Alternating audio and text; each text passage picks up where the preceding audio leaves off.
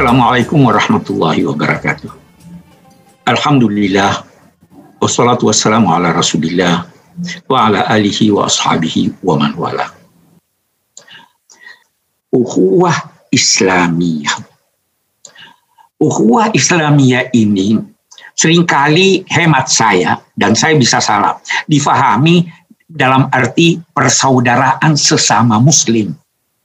Hemat saya bukan itu maksudnya. Uhuwah itu persaudaraan, Islamiyah itu sifatnya. Jadi persaudaraan yang diajarkan Islam. Ada ciri-cirinya. Bisa jadi persaudaraan yang diajarkan Islam itu persaudaraan antar bangsa. Tidak harus persaudaraan seagama. Tapi kalau Anda berkata eh, ukhuwah Islamiyah dalam arti kata persaudaraan sesama muslim, maka keluarlah yang bukan muslim. Persaudaraan atau ukhuwah dalam bahasa Al-Qur'an adalah persamaan. Itu sebabnya Allah Subhanahu wa taala melukiskan orang-orang yang boros sebagai ikhwanus syayatin, saudara-saudaranya setan dalam arti memiliki persamaan dengan setan. Ukhuwah Islamiyah dasarnya adalah persamaan. Dan alangkah banyaknya persamaan-persamaan itu. Ketika kita berkata dalam bahasa eh, Melayu atau bahasa Indonesia, saudara, itu sebenarnya maksudnya seudara. Seudara. Kita semua saudara, kita saudara dengan kucing yang ada di samping kita. Kita saudara dengan anjing yang ada di samping kita. Kita saudara dengan tumbuhan yang ada di ikat kita sama dengan mereka dalam kemakhlukan. Nabi Shallallahu Alaihi Wasallam mengajarkan ukhuwah Islamiyah, persaudaraan dengan sesama. Persaudaraan dengan sesama itu bermula dari persaudaraan semakhluk itu sebabnya Allah Subhanahu wa taala menyatakan wa ma min dabbatin fil ard wala ta'irin yatiru bi janahihi illa umamun amsalukum. Tidak ada suatu binatang yang berjalan di permukaan bumi ini. Burung-burung yang terbang di udara, semuanya sama dengan kamu. Umat-umat yang sama dengan kamu. Ada persaudaraan semakhluk ada persaudaraan sekemanusiaan. Ini menyempit. Sayyidina Ali karramallahu wajahu bersabda, An-nasu simfan. Manusia itu ada dua macam. Imma akhun laka fid din wa imma akhun laka fil insaniyah. Bisa jadi dia adalah saudaramu seagama dan bisa jadi juga dia saudaramu sekemanusiaan. Karena itu Saudara sekemanusiaan bisa jadi harus didahulukan atas keberagamaan. Saya tidak berkata atas agama, atas keberagamaan. Harus didahulukan. Kalau ada seekor anjing yang kehausan dan Anda hanya memiliki air untuk Anda gunakan berwudhu, maka berikanlah anjing itu untuk minum dan Anda tidak harus berwudhu dengan air, cukup bertayamum. Kenapa? Karena kemanusiaan mendahului keberagamaan. Kita semua sebagai manusia beragama tanpa harus melihat apa suku bangsanya, apa agamanya, apa eh, partainya, apa kita adalah manusia. Karena itu Al-Quran memperkenalkan dua yang dalam konteks kemanusiaan ini. Ada istilahnya ikhwanukum fiddin ada lagi hanya ikhwanukum. Ada saudara kamu seagama ada lagi saudara kamu titik ketika Allah berfirman la yaktab ba'dukum ba'dan ayuhibbu ahadukum ayyakula lahma akhihi maitan. Fakarihtum jangan saling mengriba menyebut keburukan-keburukan orang lain walaupun dia tidak dia ada di depan kamu. Karena dia tidak bisa memberi pembelaan kalau kamu menyebut keburukan orang lain walaupun keburukan itu disandangnya maka engkau bagaikan memakan daging saudaramu yakni daging manusia. Tidak harus larangan itu ditujukan kepada yang seagama. Tetapi siapa pun tidak wajar disebut-sebut keburukannya kecuali dalam sekian banyak hal yang disinggung oleh para ulama. Jadi ada persaudaraan seagama, ada persaudaraan tidak seagama. La yanhakumullahu anil ladina lam yuqatilukum fid din lam yukhrijukum min diyarikum an tabarruhum tuqsitu ilaihim.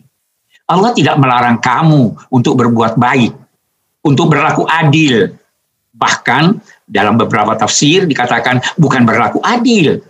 Karena berlaku adil itu wajib terhadap yang kita tidak senangi sekalipun.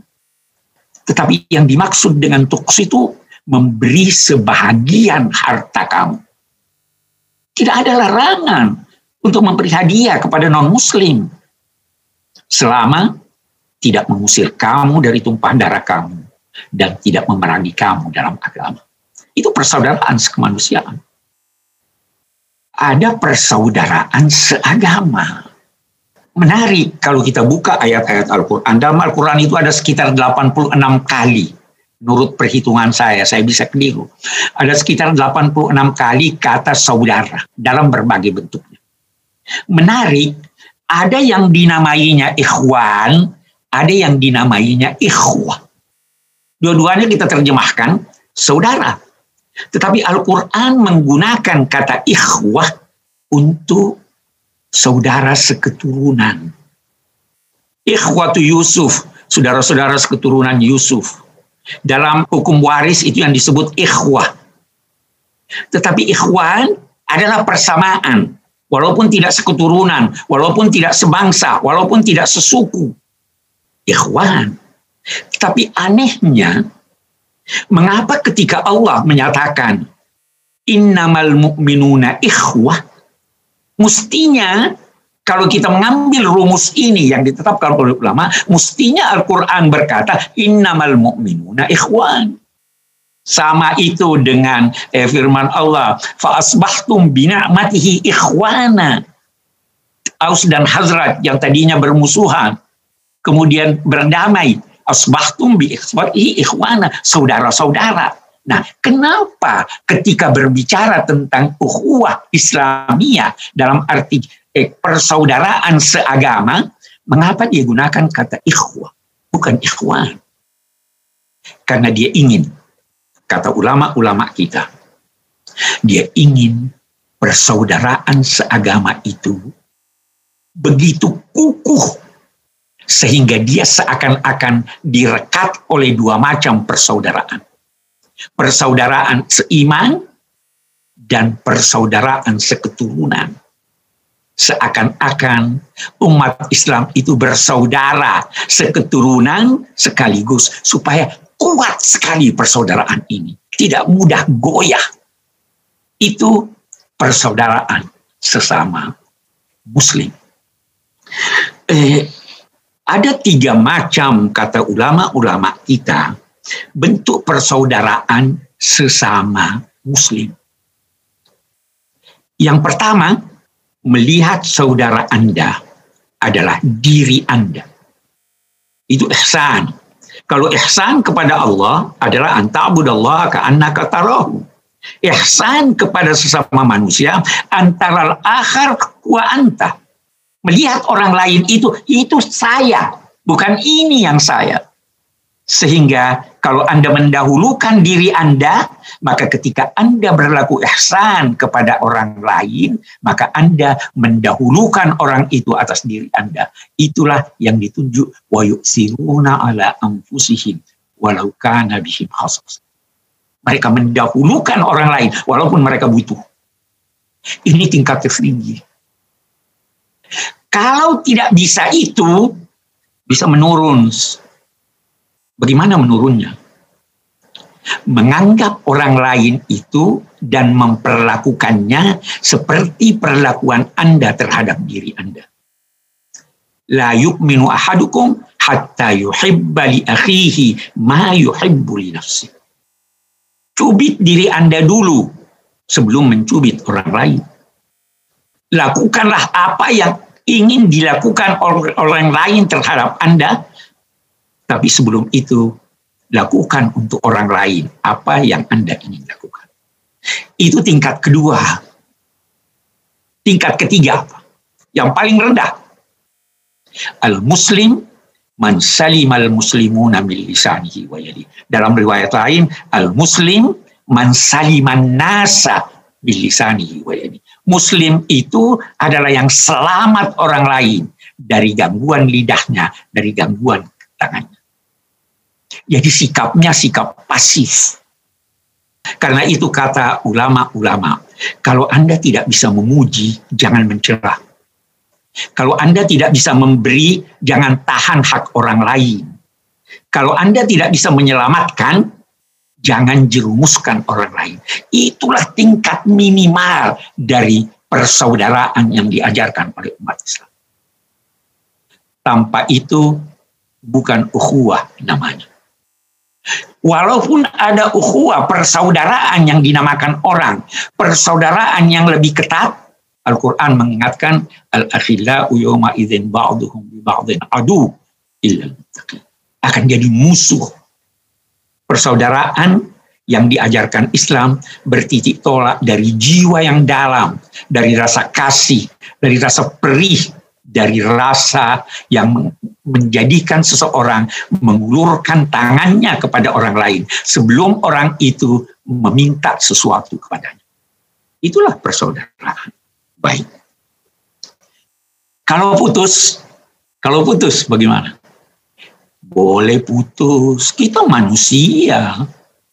Tidak mungkin kita sepakat terus-menerus. Pasti ada perbedaan di tengah perbedaan pasti ada kesalahpahaman. Tapi Rasul mengingatkan, la yahillu limri'in muslimin ayyahjura akhahu fawqa Tidak halal bagi seorang muslim meninggalkan saudaranya karena benci lebih dari tiga hari. Di celah tiga hari itulah kita mencari titik temu untuk kembali bersaudara. Nah, di situlah peranan silaturahim menyambung apa yang putus. Nah, untuk menyambung apa yang putus, kita memerlukan titik temu. Titik temu kita apa itu? Bagi bangsa Indonesia, dan sebenarnya ini mestinya bukan bagi hanya bangsa Indonesia, tetapi untuk seluruh umat beragama, titik temu kita adalah ketuhanan yang Maha Esa. Kita sama-sama percaya Tuhan. Silahkan berbeda dalam penafsirannya. Kita pun di kalangan umat Islam ada perbedaan dalam penafsirannya. Penafsiran Mu'tazilah itu beda dengan Ahlus Sunnah. Boleh jadi penafsiran eh, penganut Salafiyah beda dengan penganut Asy'ariyah. Tetapi kita bertemu, kita sama-sama adalah makhluk Allah. Yang kedua, pertemuan kita apa? Kemanusiaan tetapi yang adil dan beradab. Kalau tidak adil, tidak beradab, bukan itu yang diajarkan Islam. Baru persatuan buat kita di Indonesia, persatuan Indonesia.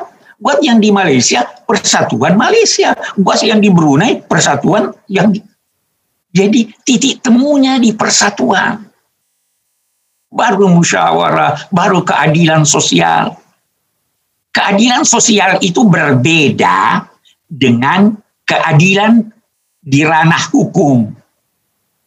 Keadilan di ranah hukum Anda harus menutup kedua mata Anda untuk menetapkan dengan akal dan pikiran Anda serta nalu nurani Anda. Tapi keadilan sosial Anda harus membuka kedua mata Anda untuk melihat siapa yang perlu dibantu dan siapa yang tidak. Itu titik temu kita tanpa membedakan lagi makhluk apa kebutuhannya, manusia apa kebutuhannya, bangsa apa kebutuhannya. Karena itu yang berbeda, yang menentang Nabi pun dinamai oleh Al-Quran saudara. Wa ila samuda akhakum salihan. Samud itu dinamai saudara Nabi yang diutus kepada mereka. Padahal mereka menantang. Dan itu pula sebabnya betapapun berselisih seseorang, dia tetap dinamai saudara. baca itu perselisihan yang diajukan kepada Nabi Daud. Inna hadha akhi lahu tis'un wa tis'una na'jat wali na'jat. Ini saudaraku. Berselisih dia. Dia mengambil hakku, ingin hakku 99 yang dia miliki tidak cukup. Maka itulah persaudaraan yang diajarkan Islam. Kita bertemu di sana, kita bertemu pada wasatiyah, untuk kita di Asia Tenggara, kita bertemu pada eh, eh, ajaran ahlus sunnah wal jamaah, kita bertemu pada ajaran Asy'ariyah tetapi kita tidak menolak pendapat orang lain selama tidak bertentangan dengan usulul akidah walaupun berbeda di dalam rincian furu syariah. Itu saya kira yang dapat saya kemukakan. Mudah-mudahan ada manfaatnya. Wassalamualaikum warahmatullahi wabarakatuh.